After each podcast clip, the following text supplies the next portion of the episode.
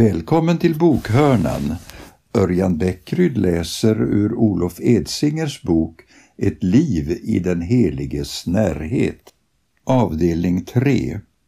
Mose fick till uppgift att gå upp på Sinais berg där han bland annat tar emot lagens och förbundets stentavlor. Återstoden av folket håller sig dock på behörigt avstånd. Det senare kan vara värt att notera även för oss idag.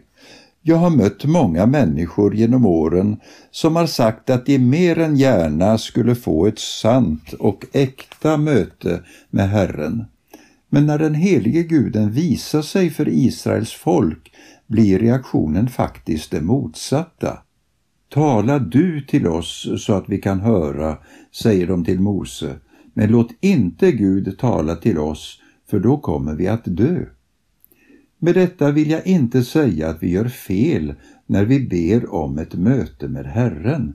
Tvärtom. Min poäng är bara att om vi verkligen vill ha med Gud att göra behöver vi vara inställda på att han bara kan komma till oss på sina egna villkor. Den helige, skulle man kunna säga, är både livgivare och livsfarlig. Han är både underbar och fruktansvärd. Han är ljuset som gör att allt som kan finnas inom oss av mörker och orenhet kommer i dagen. Inte trots detta, utan på grund av detta, behöver vi söka oss närmare den Helige. Mose själv, han som på folkets begäran skulle komma att bli medlare mellan Israel och Gud, var nog ganska spak när han stegade fram för att samtala med sin Herre. Men hans möte med den Helige gjorde sådant intryck på honom att han därefter aldrig ville skiljas ifrån honom. Mose och Gud, får vi senare veta, umgicks varje dag ansikte mot ansikte. Erfarenheten av att det händer något med oss själva när vi får kontakt med den Helige delas av gudssökare från alla perioder av mänsklighetens historia. I mötet med Herren uppstår en gemenskap, först och främst mellan människan och Gud, men också mellan människa och människa. Det är detta som är ursprunget till den världsvida kristna kyrkan och det blir tydligt redan i samband med Israels gudsmöte vid Sinai berg. När Gud stämde möte med israeliterna var det inte bara för att uppenbara vem han själv var. Framför allt var det för att inbjuda dem till gemenskap.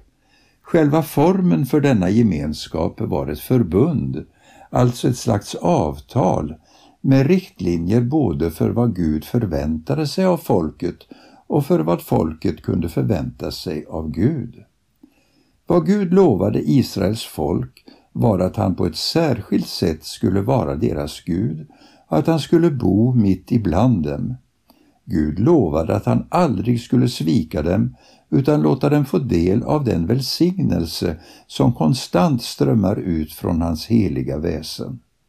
Genom sin unika relation till Herren skulle israeliterna bli upprättade ur den tomhet och förnedring som genom synden hade kommit in i deras liv. I gengäld förväntades de för all framtid hålla fast vid den helige och hans vilja. Herren förväntade sig att de inte skulle tillbe någon av de omkringliggande folkens gudar. När Bibelns författare berättar om detta låter de oss förstå att en konsekvens av förbundet på Sinai var att även israeliterna kom att få del av Guds helighet. Det första Gud säger till Mose när han talar till honom på Sinai är därför om ni nu hör min röst och håller mitt förbund ska ni vara min dyrbara egendom framför alla andra folk. Ni ska vara mig ett rike av präster och ett heligt folk. Att Gud kallar Israels folk heligt innebär flera saker. När detta ord används om Gud kan det, som vi tidigare har sett, stå för Guds upphöjdhet, avskildhet och storhet, men också för hans godhet, renhet och rättfärdighet. Den ende som fullt ut förtjänar beteckningen helig är med andra ord Herren själv. Men i Bibeln används alltså helig som en beskrivning också av Guds egendomsfolk. Ibland används det till och med om platser eller saker. I alla dessa fall kan man dock säga att det som omtalas är en härledd helighet. Människor, platser och saker kan vara heliga om och endast om de har en koppling till den helige guden. Enligt biblisk förståelse är det heliga därmed knutet till en person, nämligen till Herren själv. I andra religioner, och särskilt då i olika former av folktro, får det heliga ofta stå som en beteckning för det okända. Det heliga blir detsamma som det mystiska eller tabubelagda. Men i Bibeln är det inte så. I Bibeln är det heliga det som bär spår av den helige guden och hans närvaro. Utifrån detta kan man säga att det finns tre olika sätt att förstå det faktum att Israels folk och med tiden också den kristna kyrkan kallas heliga i Guds ord. De ska inte spelas ut mot varandra utan ger olika perspektiv på vad helighet är för något. Det första sättet som israeliterna var heliga på var att de var avskilda från det som var orent och profant. I denna bemärkelse kan man alltså säga att helighet har med moralisk renhet att göra. Det andra sättet som israeliterna var heliga på var att de var avskilda för Gud och hans tjänst. Genom denna definition påminns vi om att heligheten inte främst är något som syns på utsidan. Djupast sett är den kopplad till den relation som vi har till den helige guden. Det är detta som gör att exempelvis Nya testamentets författare tilltalar sina läsare med ordet heliga. Som kristna är vi heliga inte för att vi lever på ett oklanderligt sätt utan för att vi tillhör den helige guden. Det tredje och sista sättet som helig används på i Bibeln är att det heliga är invigt till Gud. Heligheten står alltså inte bara för en ny livsuppgift, att vara avskild från Gud. Den står också för ett nytt ägarförhållande. Det som är heligt tillhör Herren själv och kan därför sägas vara Guds egendom. Eftersom vi därmed har slagit fast att det heliga är kopplat till Guds närvaro måste det också vara så att Israel behövde leva i den heliges närhet för att kunna vara ett heligt folk. Som vi redan har varit inne på berättar Bibeln därför att Gud lovade att själv bo mitt ibland folket. När vi läser vidare i Andra Moseboken visar det sig också att en av de första saker som hände efter att Gud hade ingått förbund med israeliterna var att han instruerade dem att bygga en helgedom åt honom. Denna helgedom, först tabernaklet och senare templet, var i mångt och mycket en plats för tillbedjan. Men viktigast av allt var ändå att det var platsen där Herren bodde. Tabernaklet och templet var ett konkret uttryck för att israeliterna skulle vara Guds egendomsfolk. Ytterligare en central del av förbundet på Sinai som förtjänar ett omnämnande, inte minst för att den kom att bli så hett omdebatterad i den tidiga kyrkan, är Guds heliga lag, Tora. I alla sammanhang där vi människor relaterar till varandra är det ju brukligt att vi har någon form av regler för sann samvaro. Vissa av dessa handlar om så grundläggande saker som att inte ljuga, stjäla eller mörda. Andra handlar om mera triviala, men ändå viktiga saker som bordsskick och social kompetens. Oavsett om våra regler är uttalade eller outtalade utgör de det ramverk inom vilket vi håller oss när vi umgås med varandra. De människor som ofta bryter mot dessa regler kommer snabbt att bli ganska ensamma. I längden är det omöjligt att leva i gemenskap med en människa som attackerar grunden för den relation man försöker upprätthålla. Även i gemenskapen mellan Gud och människa finns det riktlinjer för hur relationen ska kunna upprätthållas. I de fem Moseböckerna kan vi läsa om hur Israels folk tog emot ett stort antal regler eller riktlinjer som knöt an till förbundet på Sinai.